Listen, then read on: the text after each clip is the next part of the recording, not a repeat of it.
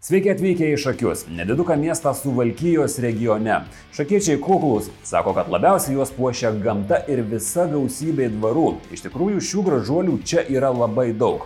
Tačiau apie viską, apie ką aš dabar kalbėjau ir dar daugiau jau visai netrukus šiame epizode.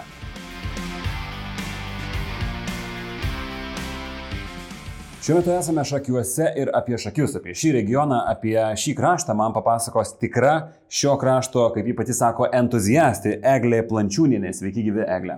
Labą dieną, Viliu. Tai kaip jūs pati apibūdintumėt savo kraštą, ne tik Šakius, bet ir jo apylinkės? Tas mano iš tiesų apibūdinimas gali būti šiek tiek nešališkas, ar ne, kaip čia gimusio, augusio, subrendusio, dabar jau ir šaknis visiškai leidusio žmogaus gali būti kiek nešališkas dėl to, kad na, mes visi, ar ne, tą savo gimtą kraštą matom, kaip, kaip maži vaikai mato savo mamas.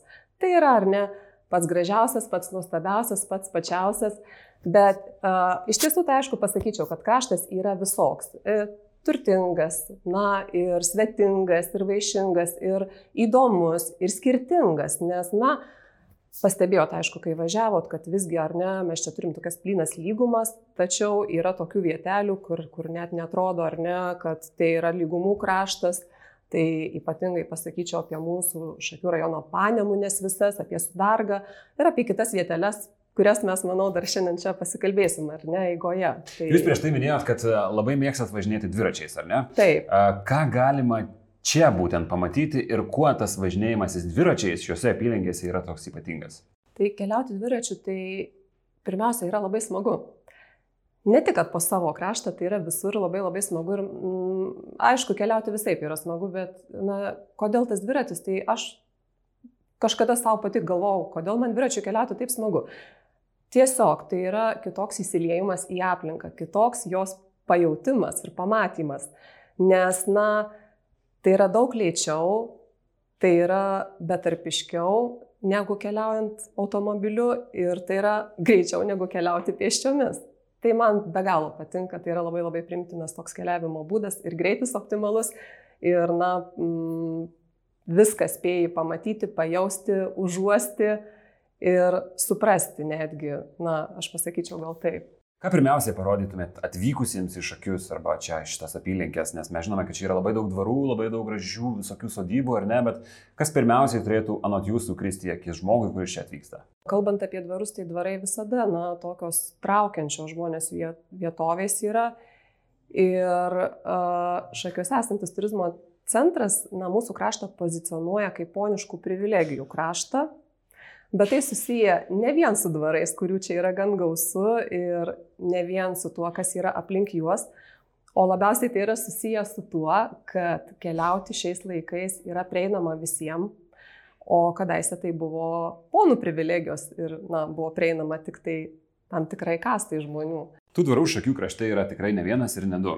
Jeigu pradėtume mūsų nu, tokią pažintinę kelionę, jūs supažindinsit mane ir mūsų klausytojus, e, kaip jie visi atrodo ir kokie yra svarbus. Nuo kurios vietos mes pradėtume, nuo kur siūlytumėt pradėti? O kaip patogiau, iš kurios pusės jūs atvykstate? Na, jeigu jūs atvyktumėt, sakykime, ar ne, nuo rytinio šakių rajono pakraščio, sakykime, nuo Kauno ar ne, pagrindiniu keliu, Tai aišku, pirmasis dvaras e, ne panemunėje, tai jums būtų va šis, čia Zyplių dvaro komplekse mes šiandieną esame. Virtuvėje esame, reikia taip pabrėžti. Taip, Zyplių dvaro buvusioje virtuvėje, kur, na, virtuvė ir šiandien kvepia šiek tiek.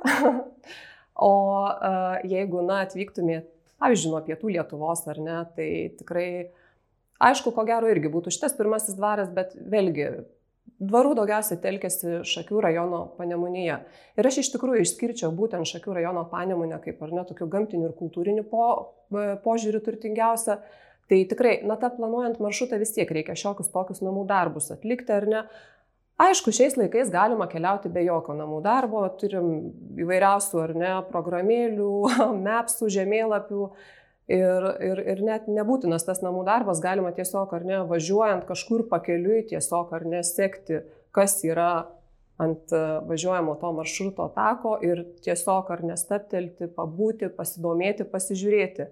Aš visada dar žmonėm tie, kurie ar ne važiuoja, bet nėra padarę namų darbo, labai rekomenduočiau bendrauti su, vieto, vieto, su vietos žmonėmis. Tai yra labai labai vertinga, nes na, bet kada užkalbinus kažkokį vietos žmogų, tai atsiveria tikrai, na, tokie ne tai, kad žinių, bet kažkokiu tai ar ne gyvenimo ypatybių ir vietos apibūdinimų klodai.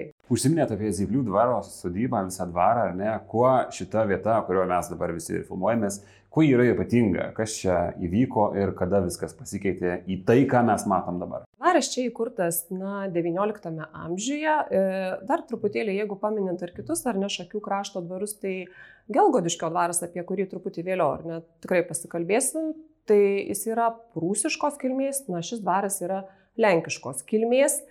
Ir, na, dabar šiai dienai šitame dvaro komplekse yra tikrai ką nuveikti, čia gali lankytojas užsibūti, netgi drįsčiau pasakyti per dieną ir per naktį. Neišprašys sušluoti niekas ir pagaliau. Ir nereikia.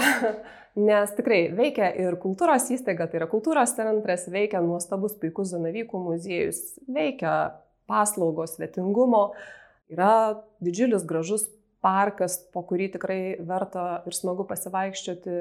Netgi buvusiame dvaro sode šiuo metu veši vynogynas, Šiek tiek užsiminėte apie Gelgaudiškio dvarą, e, kas ten yra per vieta ir ar ji nusileidžia ar net lenkia Zyplių dvarą, kaip yra su visa šitą dvarų hierarchija šakiuose. Aš sakyčiau, lyginti jų nereikia, nors tikrai labai gražiai vietos gydėjas, gidai, gydė, na, sakykime, šiuo metu, kuri pasakoja, jinai taip labai gražiai pristato, kaip, kad tai yra gražiausias ir didžiausias užnemunės, na, dvaras, užnemunės regiono dvaras. Giriasi taip savotiškai. Taip, bet Tiesiog gal jų nereikia lyginti, jie yra kiekvienas savaip vertingas ir turtingas, tai Gelgodiškio dvaras, kaip aš ir minėjau, yra prūsiškos kilmės. Vieno aukšto, na, daugiau aišku, tų dvarų yra vieno aukšto, bet, na, ypatingas jame esantis uh, interjero pošybos būdas, ta vadinama secesija. Labai smagu, kad juos galima jų eksterjerą pamatyti bet kada, ar ne? Na, interjeras, tada, kada yra turizmo sezono savaitgalis, tikrai jie yra abu tiek Gelgodiškio ir Zyplių lankomi, e, prieinami, kada kalbėjau apie tuos namų darbus, pasidaryti tuos namų darbus ir pažiūrėti, gal kažkas šalia to, kad, na, aš pavienius lankytos aplankysiu, gal dar ką nors įdomaus galima bus nuveikti, gal vyksta kažkoks renginys. Tai tikrai uh, vasaros sezonų, ypač Gelgudiškio dvare, penktadienio vakarais, jie turi lauko koncertų erdvę ir, na, tikrai labai rekomenduoju pasiekti kada kas vyksta ir, na, pabūti toje aplinkoje ramiai, įsijausti į tą aplinką, į tą dvasę ir uh, pajusti tas poniškas privilegijas tokiu būdu. Gelgaudiškis dar turi ir pažintinį taką, kas ten yra gero ir gražaus. Vienas uh, didžiausių Lietuvoje, net 118 hektarų. Ir, na, tikrai ypatingas tuo, kad, na, Dvaro parkas pereina į natūralų Panemunių regioninio parko mišką.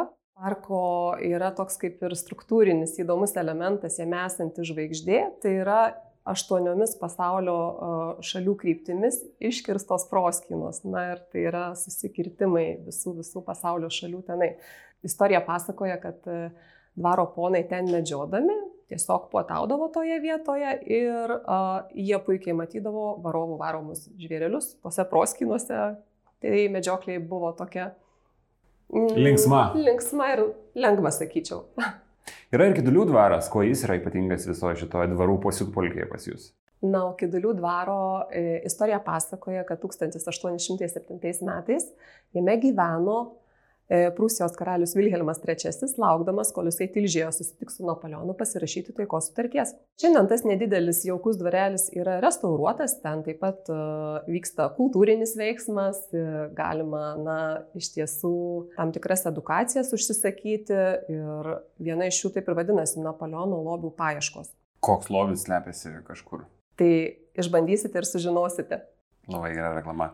Ar dar yra kažkas iš dvarų viso šito jūsų tako ir krypčių? Tikrai negaliu nepaminėti Ilguvos dvaro arba dvarelio, gal aš jį taip apibūdinčiau, tai yra nedidelis ir medinis liaudės stiliaus dvaras esantis Ilguvoje ant labai gražaus Nemuno šlaito. Ypatingas tuo, kad jį garsina uh, Grinsevičių vardas, Ir, na, Beatričia Grincevičiūtė, akloji dainininkė, kurią Lietuvoje turbūt žino daugelis, yra taip pat tos yra iš tos giminės, jinai buvo tų savininkų kaip ir dukteriečia ir jinai, na, keletą vasarų yra jame praleidusi. Kitas įdomus, na, man toksai kaip ir istorinis perliukas yra tai, kad iš to dvaro uh, kilusi ir vėliau, na, per istorinius verpetus New York'e atsidūrusi Nela Rubinstein išleido New York'e receptų knygą. Netgi pasidomėjau ir labai įdomus ir toks, na, sakykime, autoritetą tos knygos patvirtinantis faktas yra, kad ta pati leidikla yra išleidusi ir na, garsios kulinarijos Julius Child knygą receptų. Tai Nela Rubinstein toje knygoje taip pat na, tikrai yra mm, sudėjusi receptus, savo vaikystės receptus, tai jie yra, na, būtent iš to Ilguvos dvaro. Ir, na, iš tiesų besidomint bent jau šio krašto gastronominė ar ne istorinė pusė, tai tai yra labai labai vertinga knyga. Bet kokio tipo ten receptai yra toje knygoje? Ar ir vystėsi tame dvare be jokios abejonės? Ar, tarkim, dabar įprastinis žmogus, pavadinkim jį manimi, galėtų savo uh, ištaigingoje virtuvėje pasigaminti kažką iš tų patiekalų? Ar vis tik tai yra pritaikyti ano meto tendencijoms? Pati knyga yra išleista 1983 berots metais, na ar panašiais, panašių laikmečių, ar ne? Tai tikrai galėtų, nes tai yra 20-ojo amžiaus jauna antra pusė, pabaiga, gali, galima sakyti ir taip. Tačiau kam to reikia? Juk visada galima semtis tiesiog įkvėpimo ir interpretuoti pagal tuos senuosius receptus. Tiesiog inspiracijai naudoti. Apvažiavome labai nemažai dvarų ir grįžkime į šakius. Kas yra šakiuose ir ką žmogus pirmą kartą atvykęs į tą miestą turėtų ten pamatyti? Staptelėjus šakiuose arba per juos važiuojant negali nepastebėti, aišku, pirmiausia, tokio labai gražiai sutvarkyto mūsų miesto centro. Ir pirmiausia, tai yra miesto, na, buvęs skveras, taip vadinasi, dabar ir Žmonės jį taip ir vadina skveru, bet tai yra miesto aikštė ir ten esanti metalinė konstrukcija su 24 varpų karilijonų. Visi ten sustoja, tai yra na, buvusi tikrai iš tiesų miesto turgaus aikštė. Ir na, šiai dienai uh, yra atkurti netgi tam tikri elementai, kaip ten tos aikštės kampe uh, E, kadaise buvęs pliumpas, tai yra buvęs vienintelis miesto vandens šaltinis, geriamo vandens šaltinis, tai yra, na, sakykime, toks, na, vandens elementas yra atkurtas, ten yra ir bažnyčios, na, tam tikra vieta lyg ir paženklinta būtų. Kitoje pusėje yra Kudirkos biustas ir, na, tikrai gražus mūsų miesto ežeras, labai gražiai apželdintas parkas, tai tiesiog pėsčiomis ateinamas per, na, gerą pusvalanduką visiškai neskubant, ar ne, praeiti ir miesto parką reikėtų ir, na, pro patį centrą savivaldybės pastatą, alėją, pamatyti signatarų paminklą. Tai pradžiai to ir pakaktų, manau. Yra signatarų kilusių iš šio miesto?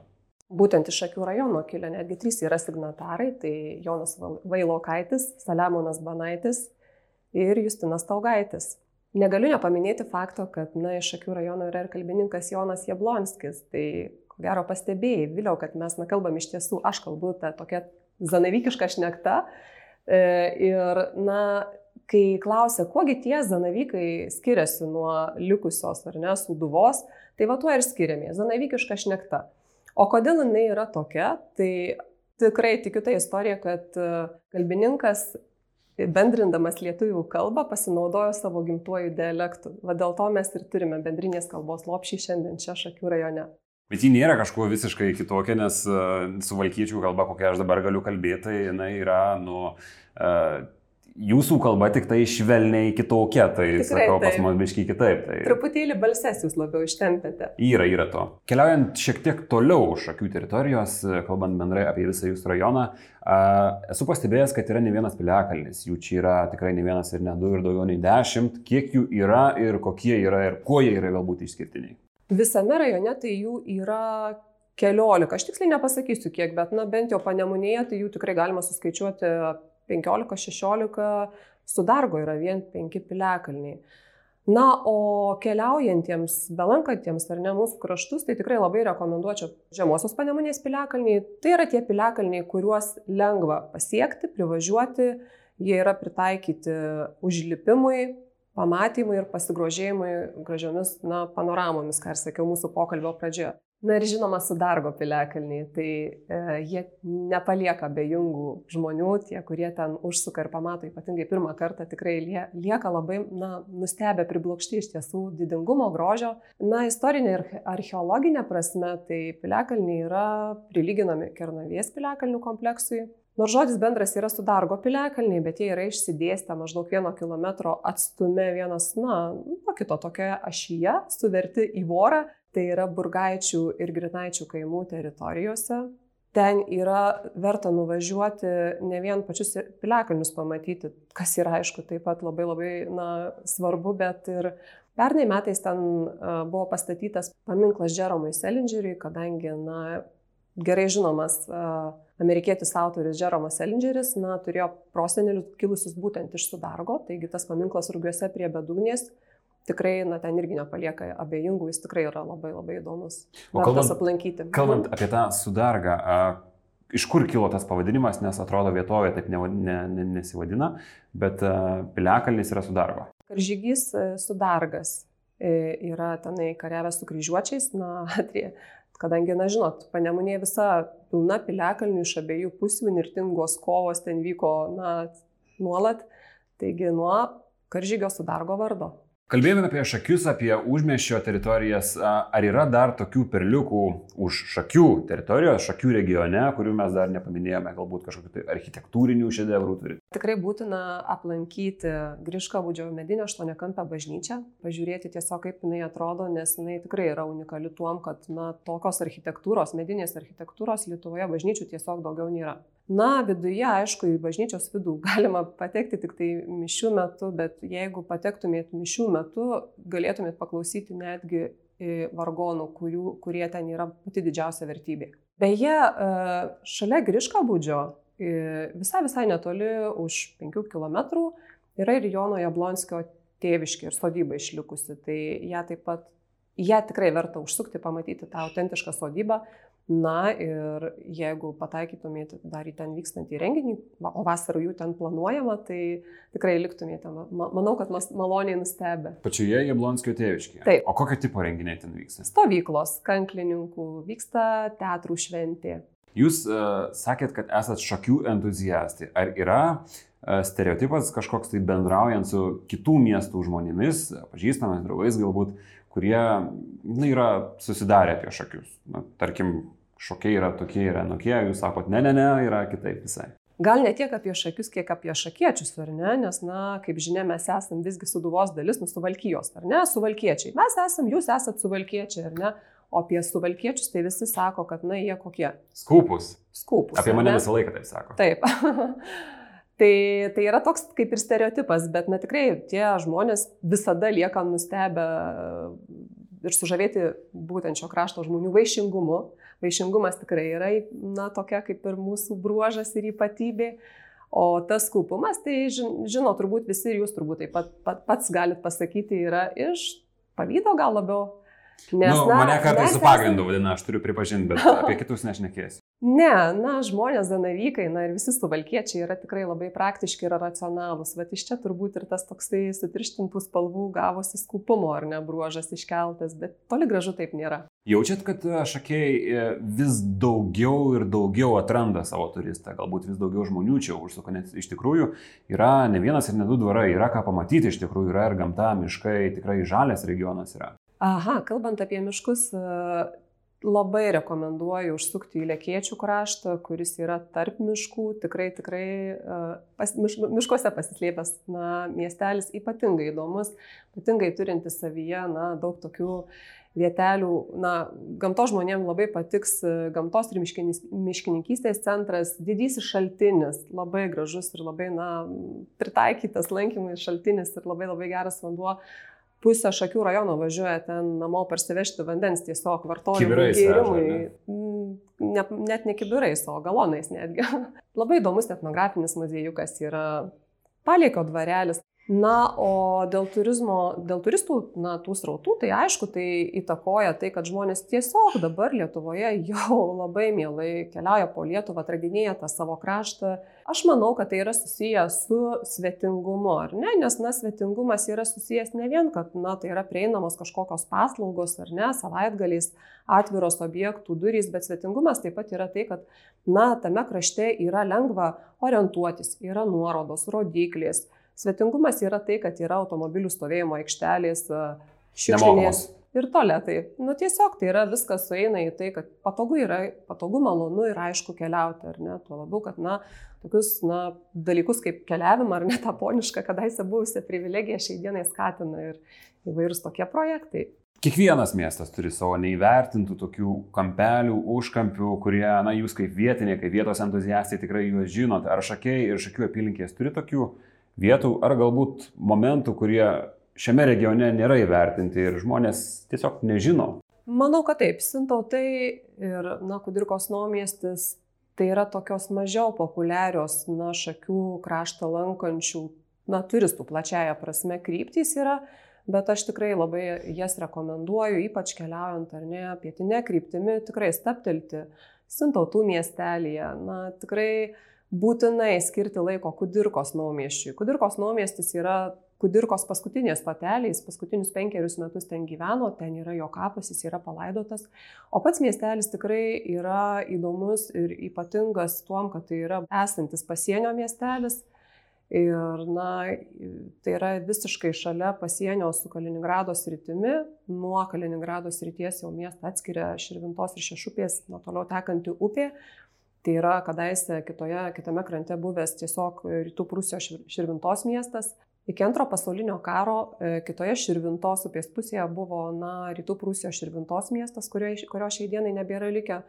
Na, tikrai labai rekomenduoju pasivaikščioti Kudirkos naumiestyje esančiu Širvintos taku, aplankyti Kudirkos muziejų, be galo įdomus, vertingas, tai yra nacionalinio muziejaus padalinys. Antrus metus ten veikia Bulvės muziejus, nes tai yra agrarinis, agrarinis kraštas.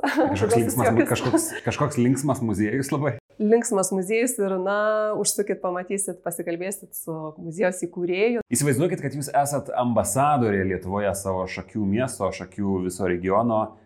Top 3 geriausi dalykai čia. Gamta, paveldas ir gastronominės patirtys. Ir ne tik gastronominės. Aš manau, kad sutiktum Viliau su tuo, kad bet kokia išvyka, išvykėlė ar kelionė pirmiausia yra susijusi su patirtimi, ar ne? Visiškai taip. Taip, tai tos patirtys, sakyčiau, yra tai, kas, na, lieka visada po kiekvienos kelionės ir, na, tos patirtys atsiveria tada, kada tikrai keliauja atviromis akimis, atvira, atvira širdimi. O pajaus pamatyti čia iš tikrųjų yra ką ir jūs apie tai mums papasakojat. Ačiū Jums labai už išsamų pokalbį. Ačiū. Ačiū, malonu labai buvo. Projektą finansuoja Europos regioninės plėtros fondas.